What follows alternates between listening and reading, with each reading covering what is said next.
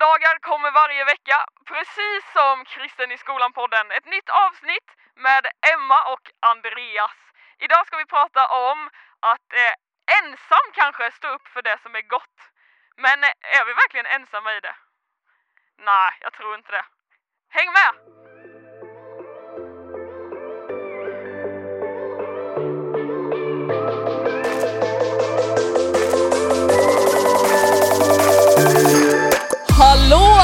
Vännen, du som lyssnar! Välkommen till Kristen i skolan-podden! Eh, Kristen i skolan-podden kommer, eh, ja men den, den produceras kan man säga av Ny Generation som är en eh, allkristen elev och studentorganisation Ja. som har sitt främsta fokus i att eh, eh, uppmuntra skolungdomar till att ta med sig Jesus till skolan Mm. och berätta om Jesus. Helt riktigt. Nu sitter jag här, Emma Hugosson, med Andreas Höger. Lololol. Tagga, tagga, tagga. Nice. Alltså det är fett kul att vara här i studion med dig Emma, det känns väldigt roligt. Jag och Emma har faktiskt väldigt kul tillsammans tycker jag, generellt. Jag vet, Ja, du, jag vet, jag vet inte hur du tänker, men jag Ja, men tycker, jag... tycker ändå vi har väldigt kul tillsammans. Alltså jag tycker att vi har kul Du tillsammans. tycker det? Ja. vad roligt, härligt. Mycket, det är ändå mycket. gött. Alltså det är galet bra vibe här på kontoret generellt tycker jag. Det är Visst nice. är det fantastiskt? Ja, men jag tycker det faktiskt. Det är nästan så att vi vill bjuda in fler hit. Ja, det tycker jag faktiskt. Vet du en sak? Vadå? Att man kan söka till att eh, få bli en del av kontoret. Nej! Jo. Va? På Ja. riktigt? Hur då? Den, eh, den 19 april, Mm. då är det kört. Nej. Men fram tills dess Aha. så kan man söka till att bli en teamare. What? Andreas, vad är en teamare? Oj, oj, oj, vad är en teamare? Mina vänner, det är en person som känner att jag vill leva mitt liv för andra människor. Och jag vill använda de gåvor jag fått från Gud och jag vill upptäcka fler gåvor som han har lagt ner i mig. Så jag vill spendera ett år för att helt enkelt tjäna Sveriges ungdomar. Då teamar man på Ny Generation. Det finns olika saker man kan göra, vi har tre olika roller. Vi har coach, content creator och crew.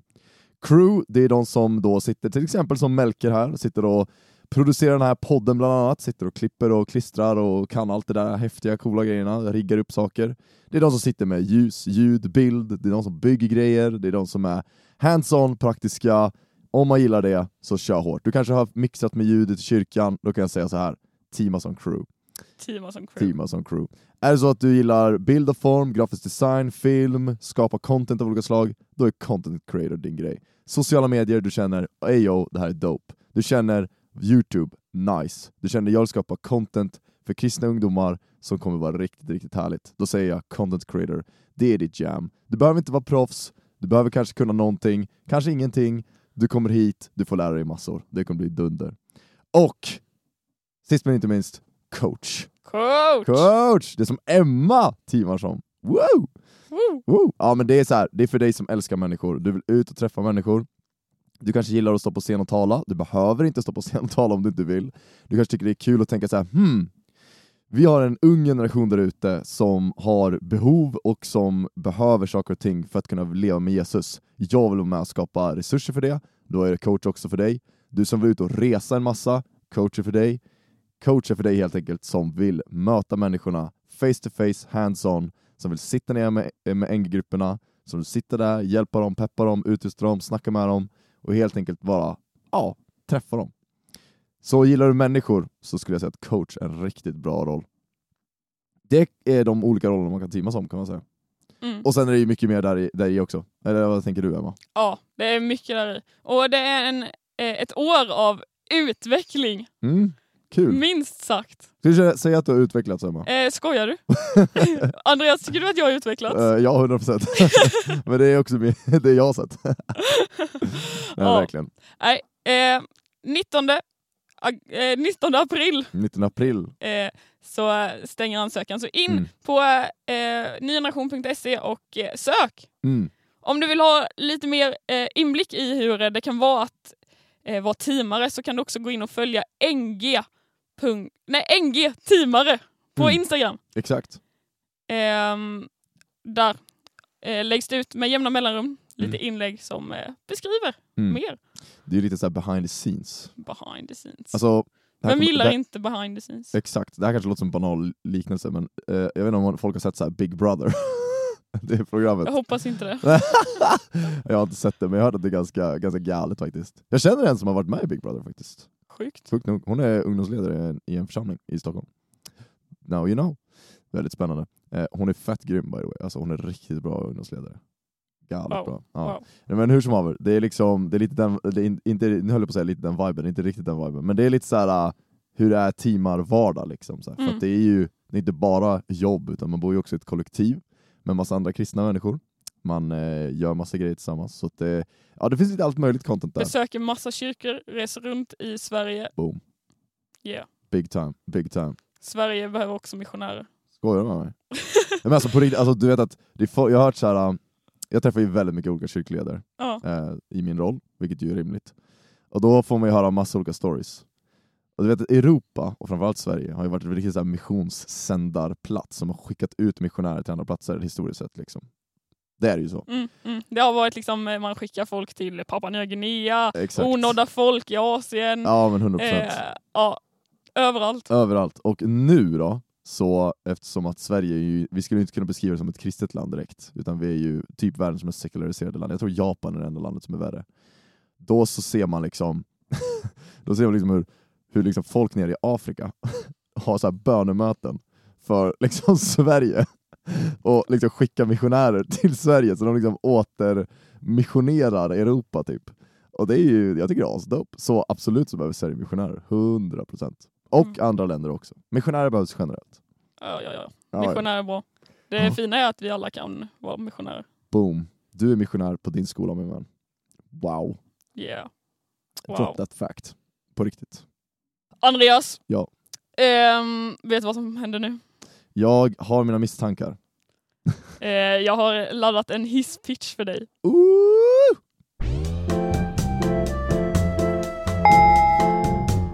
Ja, Andreas, du ska få hisspitcha. 30 sekunder har du på dig. Aha. Ja, 31 sekunder har du på dig. En sekunder! Åh! Ja, En sekunds more! That's amazing. det är jättekul. Eh, du ska få hisspitcha. Matkoma. Matkoma? Okej. Alltså, Tre, två, alltså programmet eller? nej, nej, matkoma som i Som känslan. Ja, ja, okej, okej, okej. Mm, kör. Tre, två, ett. Mina vänner, matkoma är en fantastiskt fenomen. För det betyder att du har ätit mycket mat och din kropp säger till dig väldigt tydligt Nu har vi ätit mat, så nu måste vi ta det lugnt. Generellt sett saker och ting som tvingar oss till att ta det lugnt är ju bra saker. Vi lever ett väldigt hetsigt liv, så att bara få slappna av, låta maten ta sig tid, smälta, bearbetas och bara, bara få ta det lugnt. Det är något som är nyttigt för oss tror jag. Sen är det så här att matkoman, den är också fantastisk. För då när man tar en kopp kaffe efter maten så blir det så här lite bättre. Ta en liten nap, låt kaffeinet kicka in. Mm, där har du en bra dag. Ring, ring. Ring ring! Alltså, ja, Matkoma. matkoma. Jag skulle ändå säga att matkoma är bäst på julafton. Ja, jag skulle, alltså jag var precis på väg att säga exakt samma sak. Det är liksom höjdpunkten på året när man sitter utslagen framför Kalle Anka. Ja men hundra procent! Alltså det är typ det bästa jag vet. Ja. Det är att du bara käka sönder mat på julbordet och sen bara lägga sig i soffan och bara däcka typ. ja men alltså, på julafton då är det Mm. liksom faster, farbror, farmor. Inte farmor, hon, hon, hon orkar. Hon gör Men alla andra liksom sitter och, och halvsover liksom. Ja. Jag har en bild från, jag tror det var förra julen. ja. Då ligger min pappa och min farbror på magen på golvet. och, och sover liksom. Det är ändå mäktigt alltså. Då, Ja. då, det, är, det är faktiskt en präktig, präktig matkoma på riktigt. Präktig matkoma. Säger man präktig? Ja men det måste det vara. Eller mäktig. Inte. mäktig är ett annat ord. Alltså jag vet inte ens vad präktig betyder. Jag vet inte. Ni får skicka i DM vad ni tror präktig betyder till generation på Instagram. DM oss, vad betyder präktig? Där har vi. Vi, upptäcker, Ja. vi upptäcker massa nya ord i den här podden hela tiden. Ja, Men det är fantastiskt. Ja, jag gillar det. Jag, jag undrar om eh, hashtaggen MMM fortfarande används. Ja just det, Melker med mick. ja, jag tycker fortfarande det ska vara en grej. Vi har en sån här kommentator. Om man lyssnar så här på morgon, eh, eller jag lyssnar på, på väg till jobbet brukar jag lyssna på morgonpasset i P3. Och då så är det ju väldigt kul för att då hör man ibland producenten, de, alltså de med micken då, program, alltså radio, radiohosten radio. Ibland så säger de någonting såhär bara Åh, den här grejen, och så hör man liksom hur producenten eller teknikern säger någonting. och sen så Eller, eller hur producenten skrattar till. Ja, att man hör något precis. skratt i bakgrunden. Liksom. 100% Ja, det är det. det är kul. Ja. Det är kul.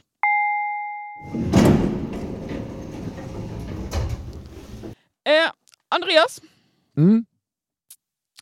nu Ja. så eh, ska vi prata om A United Generation. Woo! Ehm, och det kan vara lite klurigt. Mm. För att det finns en och annan eh, på skolorna runt om i Sverige Mm. som känner att hur ska jag kunna vara United när jag är själv? Mm. Det är eh, Det är ju vanligare än man tror, kanske. Mycket vanligare. Alltså för grejen, grejen är att vi, en sak som vi måste komma ihåg som troende i Sverige då, det är ju att vi är en minoritet. Vi är en minoritet av alla som finns. Och om du söker på minoritet och så söker du någonting som kallas för minoritetsstress, så kommer du nog se ganska snabbt att det är nog du som ungdom, du kan nog känna igen dig i några av de här grejerna. För minoritetsstress, det är ju en grej som, liksom, som är ett faktum. Alltså varför minoriteter känner sig... Ja, men alltså det finns liksom en underliggande stress över att här, jag är annorlunda än alla andra. Och det är inte ovanligt, det är inte bara för oss liksom, troende, utan det är ju liksom för alla som är en minoritet. Så absolut så finns det liksom ett utlämnande i att så här, jag är troende eh, och jag tänker annorlunda än mina kompisar. Och framförallt då blir det väldigt mycket starkare om jag också upplever att jag är själv. Alltså är jag själv på skolan så det är såklart att det, de känslorna blir mycket tydligare. Och jag tror att de flesta kan känna igen sig, även om man har en stor ungdomsgrupp, eh, kanske i kyrkan eller en NG-grupp på skolan, så är det liksom stunder, ja men kanske varje dag, där man faktiskt inte har dem runt sig. Mm. Och kanske möter en jobbig fråga eller eh, en jobbig situation där man känner att nej men jag, jag, vill- jag vill inte vara med på det här. Mm. Jag håller inte med, jag, jag tycker inte man ska behandla någon så här. Mm. Eh, och hur ska man då liksom stå upp för, hur ska man kunna stå upp för det goda liksom? Mm. Eh, Ja. Ja men det är ju, alltså stå upp för det goda, jag, jag älskar ju den liknelsen. Alltså det här är liksom såhär bara, nu är vi warriors for Christ, typ. Så här, det låter ju så himla, låter så brutal, men jag tycker att det finns en fantastisk eh, bild i det. Alltså i det liksom, om man får säga liksom, nu, eh, nu ska jag inte säga att vi ska gå runt och tänka att vi liksom är soldater och sånt där. Vissa blir taggade på det, vissa tycker det bara är skevt. Men, och speciellt med tanke på det som sker i Ukraina och Ryssland. Liksom. Men om man tänker tillbaka så finns det ändå en mentalitet i, i gruppen som styrka. Um, att stå upp själv för det goda, det kanske upplevs svårt när man är, när man är själv. Liksom. Men om man tänker då i, i till exempel i en, eh, i en situation då där, liksom, där, eh, där man är på skolan och man vill stå upp för sig själv, och liksom, eller inte för sig själv, men man står själv och vill stå upp för det goda. Så kan en tanke som kan vara skön att liksom ha i bakhuvudet är ju det här att liksom vi på något sätt för det här, nu får du ju förstå inom citattecken, för det här kriget mot liksom det som är dåligt och ont i världen, det för vi tillsammans på olika fronter. I ett, i ett krig helt enkelt så är det ju olika fronter som slåss. Alltså det är ju inte bara som man ibland ser i filmer där det är så här, det är ett slagfält och det är allt som händer. Kolla till exempel första världskriget, liksom. det är ju jättelång frontlinje. Jag menar, de var ju liksom mil, mil, mil, mil mellan varandra och låg i skyttegravarna och slogs. Liksom. Men det som hände var att varje enskild soldat, varje enskild liksom, linje var tvungen att hålla, var tvungen att föra sig framåt. För annars så blev det inte någon erövring. För att om en linje bara bröt igenom, ja men då var, var ju den helt plötsligt utlämnad. Så på ett sätt så blir det ju att så här, man får tänka att så här, men om jag, det låter kanske banalt att tänka, men för de som går igång på den här bilden så tror jag det kan vara uppmuntrande att så här, om jag sköter min frontlinje, alltså om jag står här och, och liksom håller den och vågar stå upp för det som är rätt, vågar stå upp för det som är bra, så finns det liksom bröder och systrar runt om i resten av Sverige som också gör det. Och det är ju sant, det gör de ju. De står upp för det. Eh, det finns många kristna skolgrupper, det finns många kristna ungdomar som på olika sätt möter de här sakerna varje dag, precis som du gör. Och det går att göra det, det går att stå upp för det, det är inte omöjligt.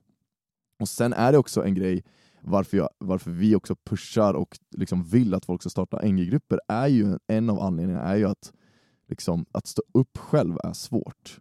Och att ha en ny generationgrupp som backar en gör det lättare.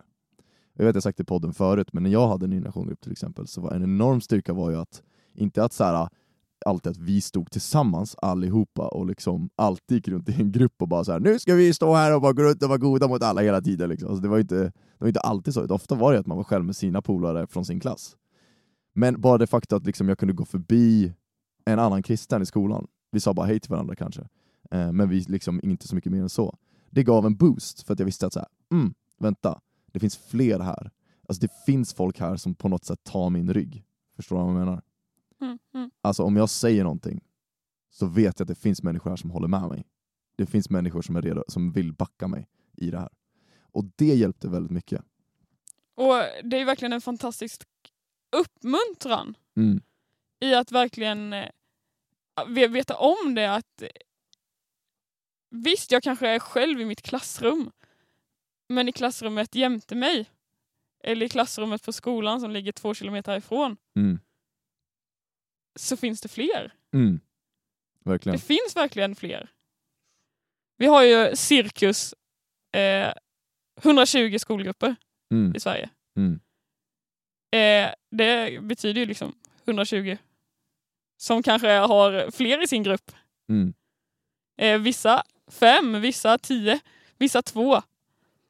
Mm. Och sen finns det alla de som inte har en grupp som också Mm. kämpar liksom. Mm. Det är många. Mm. Verkligen. Det är ju liksom, och det, fördelen är ju så här också, alltså så här, om man tänker back in the days, då var det ju så här. om vi tar den här liknelsen med missionärer igen, så var det så här, tja, jag upplevde en kallelse att åka till Uganda liksom. Okej, då åker vi till Uganda, och det är liksom, om vi snackar så här 1800-tal eller så här 1900-tal, liksom, tidigt 1900-tal, åka iväg till Uganda. Det fanns liksom inte, visst du kunde skicka brev, troligtvis. Telefon fanns nog inte du var väldigt utlämnad. Alltså det var verkligen så här, you and yourself. Typ så liksom. Eh, det var inte så mycket mer än, än det. Men nu är det så här, du, vi har en helt annan global uppkoppling. Alltså, grejen, en av, en av verktygen som Din Generation kan erbjuda är just att du kommer in i ett nätverk. Så även fast du tänker, jag är den enda kristna i skolan. Att starta en ny generation-grupp, och det kanske låter konstigt att säga att man startar en ny generation-grupp när det bara är du där, men vi gillar tanken av att tänka att ni liksom är någonting tillsammans. Alltså ni är ett nätverk tillsammans av unga människor som vill göra saker. Vi kan hjälpas åt att hitta andra. Ofta finns det också andra kristna på skolan. Ofta gör det. Det är bara att det kanske inte är någon som kommer från din församling som finns där, utan det kanske är från andra församlingar. Och ibland så är du den enda kristna, och det är, liksom, det är verkligen så. En tanke att skicka med där, det är också att du aldrig är ensam. Alltså Jesus finns ju med dig hela tiden. Det är helt fantastiskt, det var en NG-grupp för, jag kommer inte ihåg nu, men det var några år sedan, som, eh, när, när vi pratade med dem så, sa vi, så frågade vi så här, ah, men hur många är ni i gruppen? Liksom? Bara för att få lite hum om så här, men vad är det för grupp vi, vi har framför oss. Liksom. Är de 30 personer eller är de två? Liksom? Och då sa de, vi är fem personer i gruppen. Vi bara, ja ah, men nice, liksom. det är kul. De bara, ja det är jag, gruppledaren och sen var det en till. Och sen sa de, Gud, Jesus och helige Ande. de bara, vi är fem i gruppen. Så Ja. det är vi fem stycken som går ut på skolan och liksom, eh, visar på ljuset. Och, och det får man inte glömma. Nej, Att Jesus är Mm. med. ja men verkligen. Det har, det, det har han liksom, han har sagt det. Mm. Att han är med. Mm. Inte bara sagt, han har lovat det. Ja. Det är liksom det finns, det finns ju det är ju ett av de liksom starkaste löftena Gud ger, är ju att alltid vara med. Det är ju någonting som han liksom återupprepar liksom hela tiden, att han alltid är med.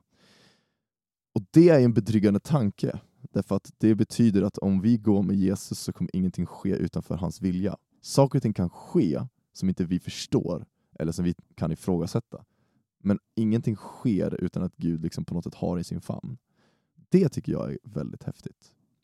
Och jag kan själv säga att jag var ju, jag hade en annan kristen i min, i min klass, men ofta så var det jag som blev ställd mot väggen eh, när det kommer till frågor och sånt där. Jag läste natur, natur, så att det var ju naturligt att man fick ganska mycket frågor så att säga, om saker och ting.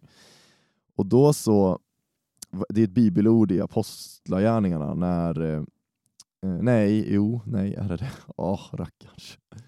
Jag kommer inte ihåg, ja det är ju pinsamt. Jag skulle, ja, men då, då är det i alla fall att så här, när ni ställs inför ståthållare och synagogorna, så var inte liksom oroliga, utan jag kommer lägga orden i er mun, eller jag kommer liksom svara åt er. Alltså på något Mm. sätt att när vi ställs mot väggen så kommer Gud tala genom oss. Och det tycker jag är det mest uppmuntrande någonsin. Alltså verkligen att så här, att på något sätt tänka att vi kan få tala det Gud vill säga till den personen.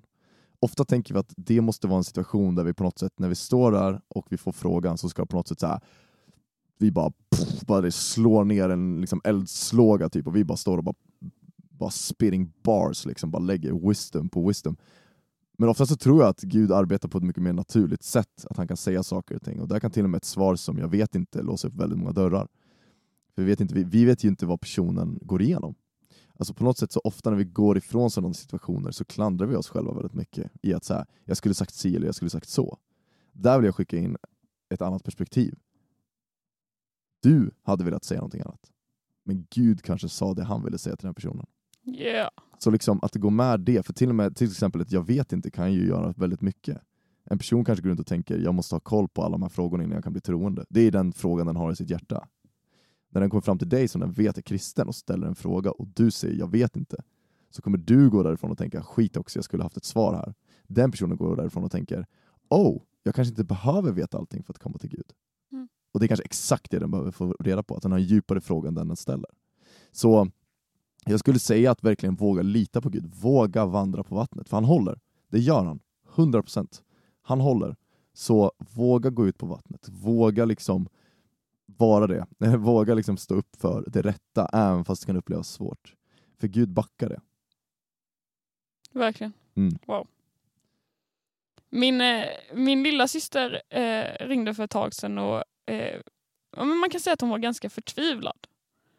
För att eh, ehm, det finns en i hennes klass som inte blir, så behandlad, blir, hon, ja, inte blir behandlad väl. Liksom. Mm.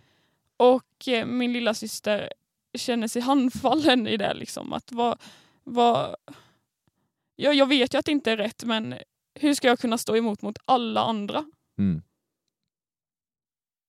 Hur, hur ska jag kunna gå emot det här grupptrycket och stå upp för min kompis? Mm. Hur, hur gör man liksom? Mm. Eh, hur ska man vara själv i att stå upp för det goda? Mm. Jag tror att det finns två perspektiv som man behöver skicka in där. Ett är att ofta vet du vad du ska göra. Men det är bara att vi tycker det är svårt. Ofta Mm. vet vi vad vi ska göra för att få en annan person att må bra. Vi ofta vet vi när det någonting går fel. Alltså vi har en sån tydlig kompass inom oss. Så jag tror väldigt mycket din lilla syster och många andra vet vad det är man ska göra. Man ska inte haka på jargongen. Man ska uppmuntra personen. Man ska bjuda in den i leken. Man sätter sig bredvid den. Alltså, det är ganska enkla grejer, och vi alla vet det, men det är bara att det är så svårt ofta. vi kan uppleva att det är klurigt att göra det. Och att det, det på något sätt får oss att komma tillbaka till frågan, vad ska jag göra? När vi ofta vet vad vi ska göra. Och det är mänskligt, det är inget, det är inget fel med det. Det är, liksom, det är rimligt att det är så, för det, det kan upplevas svårt som säger grupptrycket.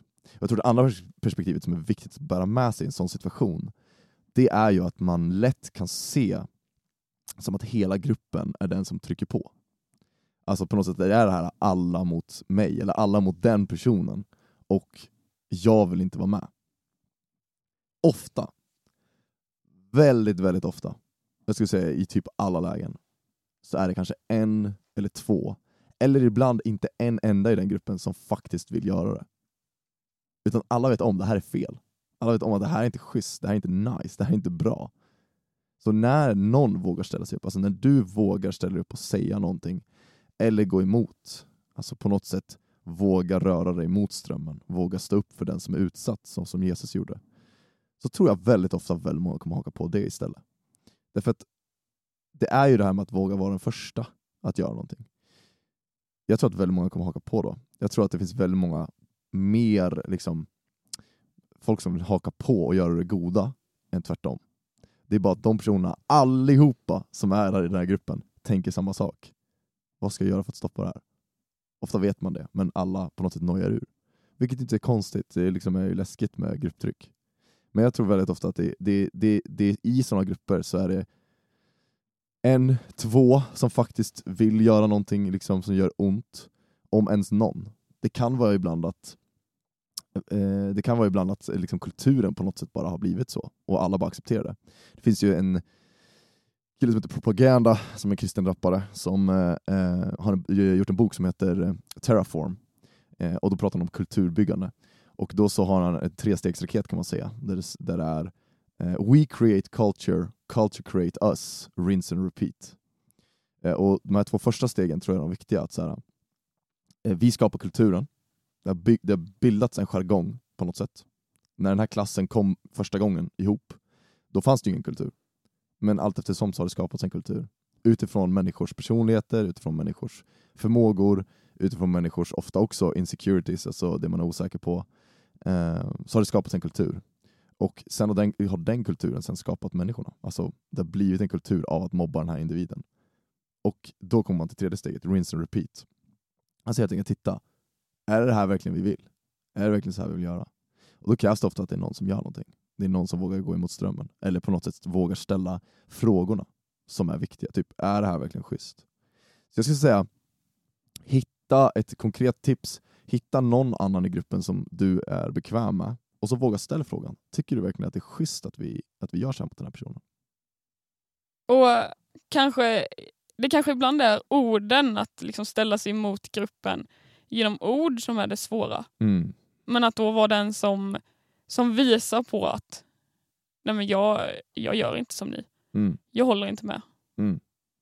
Jag, jag är snäll mot den här personen. Mm. Eh, och ja, men hon, Min lilla syster hon pratade också om att de är elaka mot läraren. Mm. Och alltså inte respektfulla liksom. Men att då verkligen visa genom ja, med sina handlingar att jag, jag gör inte som ni. Jag håller inte med. Mm. Och ja, men visa på kärleken. liksom. Eh, för ibland så kanske det är orden som är de jobbigaste. Liksom, att 12-åring ställa sig emot 14 andra liksom, och säga det att mm. jag tycker inte ni är snälla nu. Mm. Ja, som du säger, ibland så är det svårt att, alltså, första steget kan ju vara att till exempel hitta då en annan person i gruppen som du är kompis med. Våga ställa frågorna med bara den liksom, som, du, som du är bekväm med. Och bara så här, alltså hur vi behandlar Agda, eller Stina, eller Klas eller vad, vad nu personen heter. Är det verkligen schysst? Är vi snälla mot den här personen? Liksom. Se vad den personen säger. Ofta tror jag att man kommer få höra det man själv tänker. Nej, jag tror inte vi är så speciellt snälla. Jag vill nog inte heller vara med på det. Oftast tänker folk så.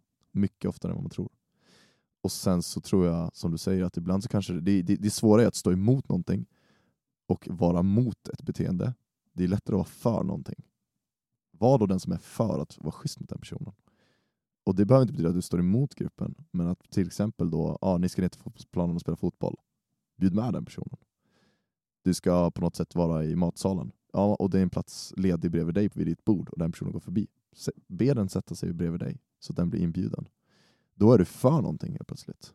Du är för att den här personen ska vara med. Än att behöva stå emot någonting. Så det är också en grej som jag tror kan vara bra, liksom första steg. Och ofta så blir det så att när man väl börjar behandla den personen så, så kommer det eh, beteendet smitta av sig. För helt plötsligt så är det okej okay att vara schysst mot den personen.